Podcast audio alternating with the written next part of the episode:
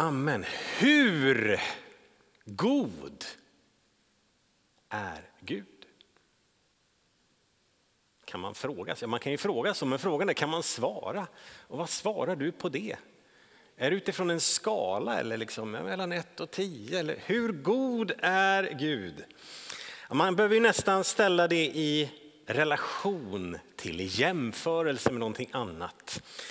Och eh, vi ska titta på ett par liknelser idag och se om vi kan svara på den här frågan så att när du går härifrån eh, lite senare så vet du hur god Gud är. Låter inte det bra?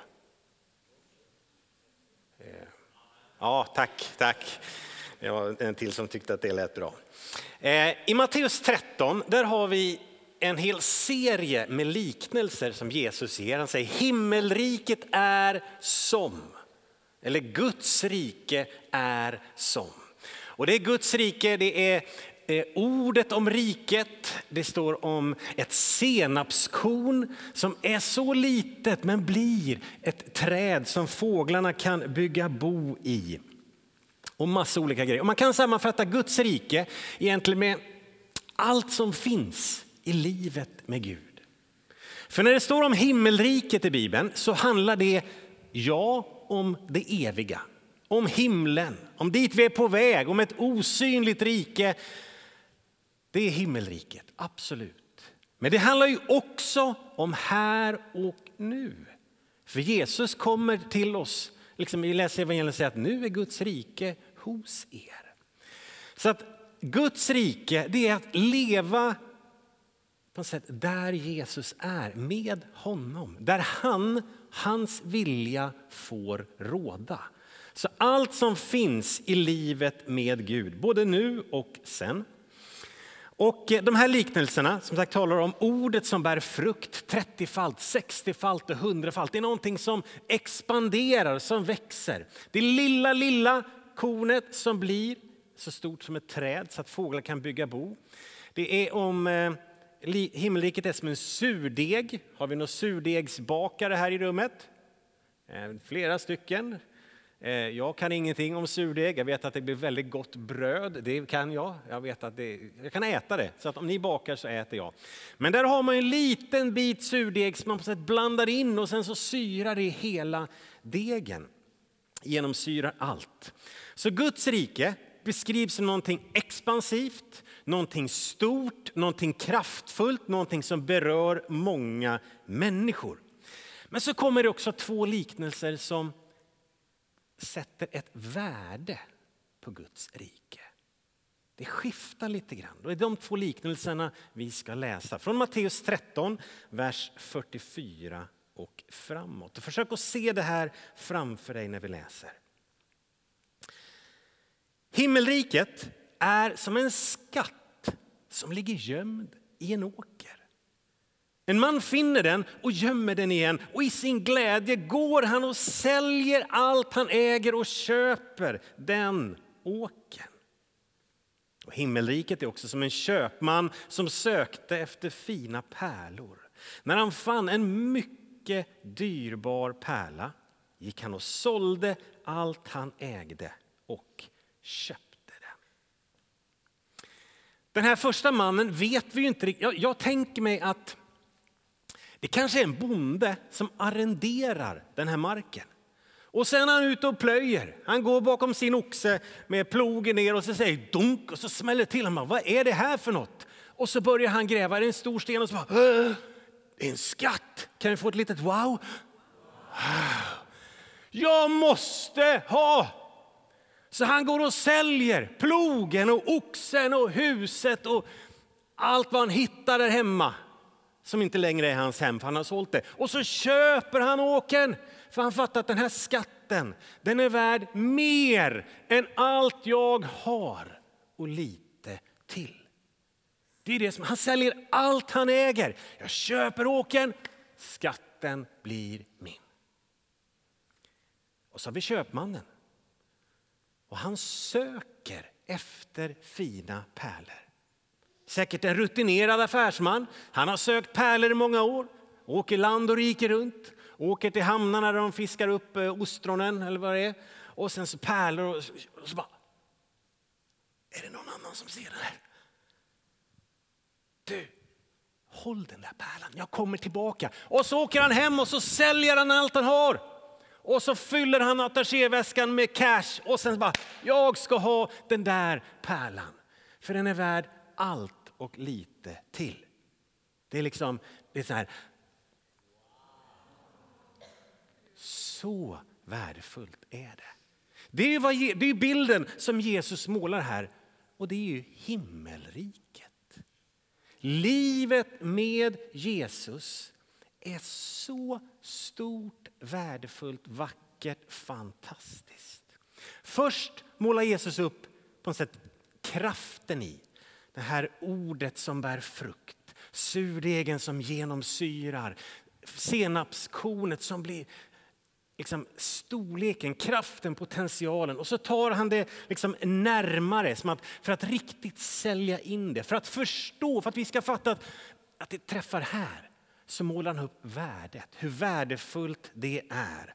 Det är skatten, det är pärlan, det är det mest värdefulla, det mest vackra som du kan tänka dig och lite till. Så att ta emot Guds rike, att säga ja till Jesus, att göra det till mitt, det är värt allt. Det är det bästa som jag kan få tag på för hela mitt liv. Men den här liknelsen och den här liksom sanningen som den målar upp behöver inte bara vara en, liksom en innehållsdeklaration för vad, vad Guds rike är. Utan det här kan vara en, en eh, motivation, en hjälp, en väldigt, väldigt praktisk grej för dig och mig i vår vandring med Jesus. Eh, vi som kyrka och du som troende kan ju ibland hamna i en eh, här, du skall icke mentalitet. För vi har ju ett antal bud, vi har tio budord och hur många av dem är du skall icke? Någon som har koll? Nej, alla tio är inte sådana. Jag har inte heller koll. Jag har, inte, jag har inte kollat upp det. Men det är ju liksom, du ska icke stjäla, du ska icke mörda, du ska inte ha begär. Sen har man ju helga vilodagen och hedra din far och din mor. Så att en del är lite mer så positiva och så finns de här, du skall icke. Och visst är det så att den här bibeln säger en del, så här, Jörgen, du skall icke. Men ibland, kära vän, så är det så att det är det här du skall icke som blir det som definierar oss. Jag vet inte om du har mött det genom livet, men jag har mött det vid ett antal tillfällen. Man möter en människa som bara, jaha, du är kristen, då får inte du... Och så kommer det. Det, det, är, liksom, det är definitionen. Och du kanske bär den själv, vi kanske bär den själv ibland. Nej, men jag är kristen, så då får inte jag. Men hallå, vad är det för attraktiv definition? Liksom? Vad är du? Jag är en sån som inte får. Ja, vad är du inte får? Ja, det är en hel massa grejer, liksom. allt som är roligt. Du får inte. Eh, och så hamnar vi i någon slags förbudsmentalitet. Det är det som definierar mig och min tro. Eh, och visst finns det, som jag sa, det finns det som Bibeln kallar för synd. Det gör det. Och Bibeln säger, Jörgen, synda inte. Gör inte det som inte är bra för dig. För Gud tänker någonting om mitt liv. Han säger saker. Jörgen, det här har jag tänkt för dig. Och en del synder, eh, när det, Paulus talar om sexuella synder, då säger han bara så här, fly. Fly sexuell orenhet, säger han. Det är inte ens att jag ska försöka bekämpa, analysera, få till det. Han säger fly bara, dra därifrån. Det är ett sätt eh, om vissa synder. Men vissa frestelser. Jag måste först fråga här bara här inne. Är det någon som har frestats någon gång i sitt liv? Ja, det är bra. Är det någon som har syndat någon gång i sitt liv? Ja, det är några som gör det för första gången, för nu ljuger ni när ni inte räcker upp handen. Alltså vi frestas. Ja, men så är det. Vi frestas, vi faller i synd. Och ibland så är synden, alltså frestelserna är starka. Det är svårt, kan vara svårt att stå emot frestelser med bara en förbudsmentalitet. Det att jag får inte och sen ska man hålla sig borta från frestelser. Eh, vi tänker den här bilden. Det röda äpplet, det är synden. Och det gröna äpplet, det är Guds väg. Jag tänkte det blir enkelt. Liksom. Rött, det är trafikljus, stopp för de flesta av oss. En del bryr sig inte om det heller. Och det gröna är liksom kör på. Är du med? Rött äpple är synd och grönt äpple är Guds väg. Och när jag tittar på det röda äpplet så ser ju det ganska gott ut. Om du tittar noga så är det lite större.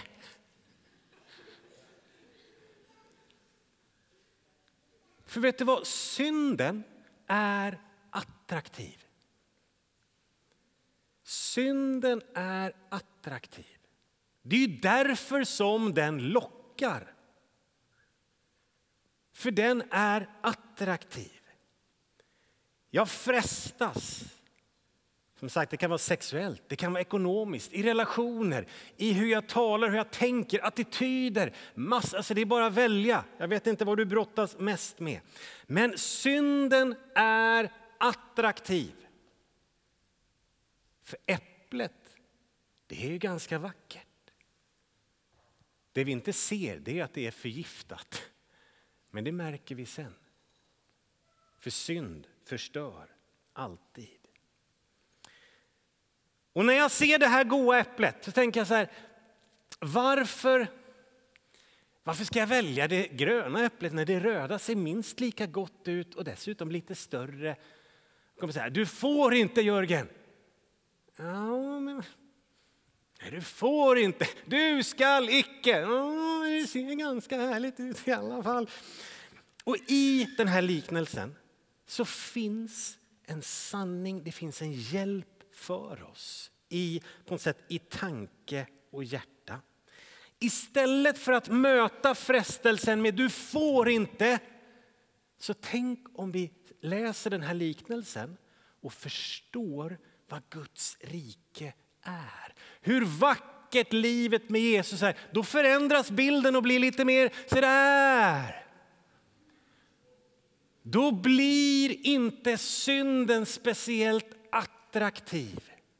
När jag ser hur fantastiskt vackert livet med Jesus är. Jag frestas hit, men, men nej, vet du vad? Ja, det här det ser rätt läckert ut. Men vet du, det Jesus har för mig, det är ännu bättre. Det Jesus har för mig är ännu vackrare. Det Jesus har för mig, det är ännu rikare. Det är en skatt, det är en pärla som är värt allt. I liknelse, i jämförelse med varandra, så bleknar annat. Kampen blir inte riktigt lika svår. Det kan vara svårt att stå emot frestelser, ja. Synden lockar och är attraktiv, ja. Men om det bara blir Jörgen, du får inte. Om det är det som definierar mig, som blir mina enda motiv, så blir det ännu svårare. Men om jag, som den här, de här två männen, ser skatten, jag ser pärlan. Så att de gick och sålde allt för att få tag på det här dyrbara vackra. När jag ser att det Gud har för mig, det är mera den här jämförelsen. Det han har, det är friskt, det är vackert, det är gott, det är hälsa, det är liv. Så blir inte kampen riktigt lika svår. Att jag, så att jag inte bara ska vi säga, vet att Gud är god utan jag ser, jag förstår in i mitt liv, in i det jag möter, hur god han är. Och det kan bli en hjälp för dig och mig att säga nej till synd, till frestelser, till det vi vet är fel. Och då landar det tillbaka till den här frågan då, hur god är Gud egentligen? Alltså det handlar om gudsbild väldigt, väldigt mycket. Hur ser jag på Gud? Hur god är han egentligen? Är han så god eller inte? Det här är så viktigt att få in. Eh, I ett bibelsammanhang som handlar om frestelser så säger Jakob så här i sitt första kapitel. Allt det goda vi får och varje fullkomlig gåva är från ovan, den kommer från ljusens far som inte förändras eller växlar mellan ljus och mörker. Det står i ett sammanhang om frestelse och Jakob säger allt det goda vi får. Vart kommer det ifrån? Jo, det kommer från Far i himmelen. Det står inte allt det kristna vi får. Tänk så ja Gud är god och han, han hjälper mig, han ger lite frid och han hjälper mig i bönen och när jag lovsjunger så mår jag bra och har kompisar i kyrkan och, ja, och så har jag mitt riktiga liv. Det står inte allt det kristna vi får. Det står allt det goda vi får. Allt det goda du har i ditt liv. Allt. Det finns inget område i ditt liv där Gud inte finns med. Allt det goda vi får. Gud vill inte ge dig ett gott kristet liv. Vad säger predikanten idag? Ja, men så är det. Gud vill ge dig ett gott liv. Det finns bara ett liv. Du har ett liv. Allt det goda du får kommer från ovan, från himlaljusens fader. Gud har, det Gud har för dig, det är det bästa.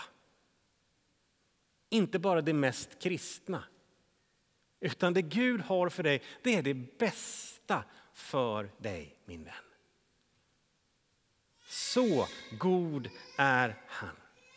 För han är god, han är bara god mot dig. Och jag skrev så här, att djävulen, han har inte en enda god tanke för dig. Inte en. Och Gud, han har bara goda tankar för dig. Så är det. Även om det här röda äpplet ser så vackert ut, vet du, det är så förgiftat. För djävulen vill bara förstöra. Bara. Och Gud, han kan bara ha goda tankar för dig. Gud har bara goda tankar för hela ditt liv. Allt det goda du har kommer från Gud.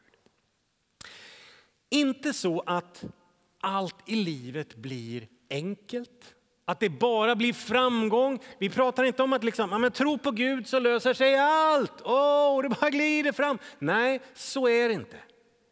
Det är inte så det funkar att vara människa här på jorden. Det vet du också.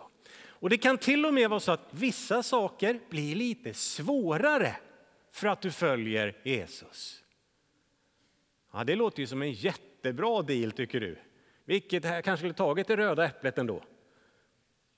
Nej, men det kan vara så att det blir en del kamp i ditt liv som blir svårare när du väljer att följa Jesus. När du väljer det gröna äpplet så kanske det blir svårigheter.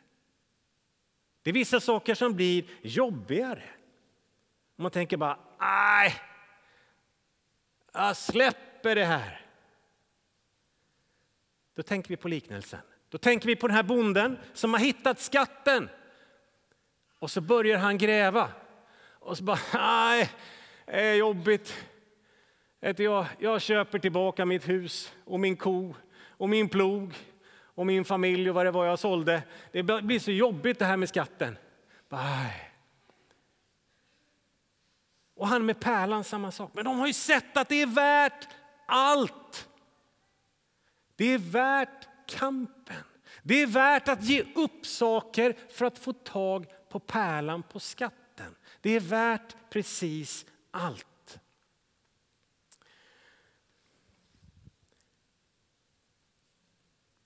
Det finns en eh, reklamslogan som har förföljt oss i många, många år. Framför allt ni damer i rummet kan den bättre än oss herrar, men alla känner till den. L'Oreals, vadå?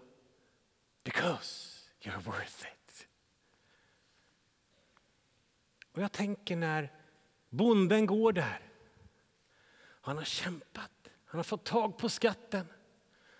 Han är sliten, han är trött, det gör ont i ryggen. Men så fick han tag på skatten och, bara, och så öppnar han locket. Och bara, Åh, det är så värt det! Han med pärlan. Han säljer allt. Och så får han tag på pärlan och han inser att den är värd mer än vad jag trodde. Det är värt allt. Och när du vandrar genom livet min vän och ibland så får du ge upp saker. Ibland så säger ordet till oss, Jörgen, släpp det där. Ta inte det äpplet, gå den här vägen. Ja, men det kostar på. Ja, det kostar på. Men när vi möter Jesus på något sätt, då får vi fästa blicken på honom och se vad because you're worth it. Det är värt allt att följa dig. Kostar det ibland? Ja, min vän, det kostar. Jesus säger, ge upp ditt liv så ska du finna det. Det är värt allt. En del av er har genom livet betalat ganska mycket på något sätt för att följa Jesus. Det kostar på. I vår värld idag förföljs människor för sin tro. En del människor får betala med sitt liv.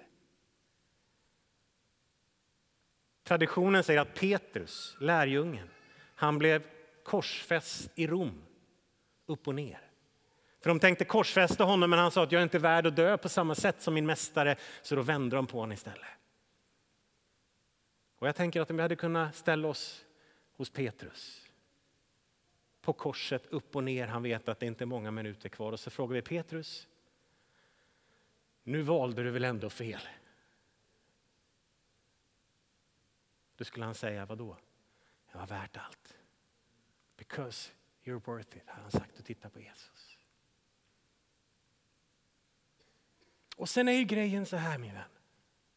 Att när du vänder blicken till honom, vad möter du? Du möter hans blick, Jesus Kristus. Och vet du, jag är säker på att när Jesus ser på dig, när du möter hans blick, vet du, då tittar han på märkena i sina händer där spikarna satt. Han kanske känner efter märket i sidan där soldatens spjut trängde upp i honom där han hängde på korset. Så tittar han på de märkena och så tittar han på dig och säger Because you're worth it, säger han. Du är värd att jag gav mitt liv för dig. Så mycket älskar han dig.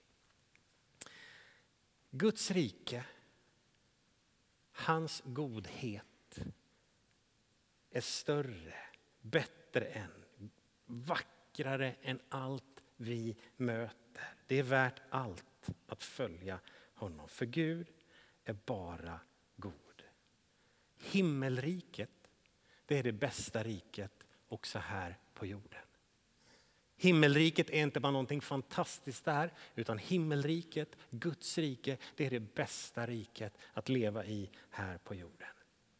Och att leva med honom, tro på honom, följa honom, det är det bästa du kan välja. Även när det kostar, även när du får ta i lite, när det är lite kamp, när du får ge upp saker, så är det värt det. Det är värt allt att följa honom. Så om frågan är hur god är Gud? Så god är Gud. Det är värt allt att följa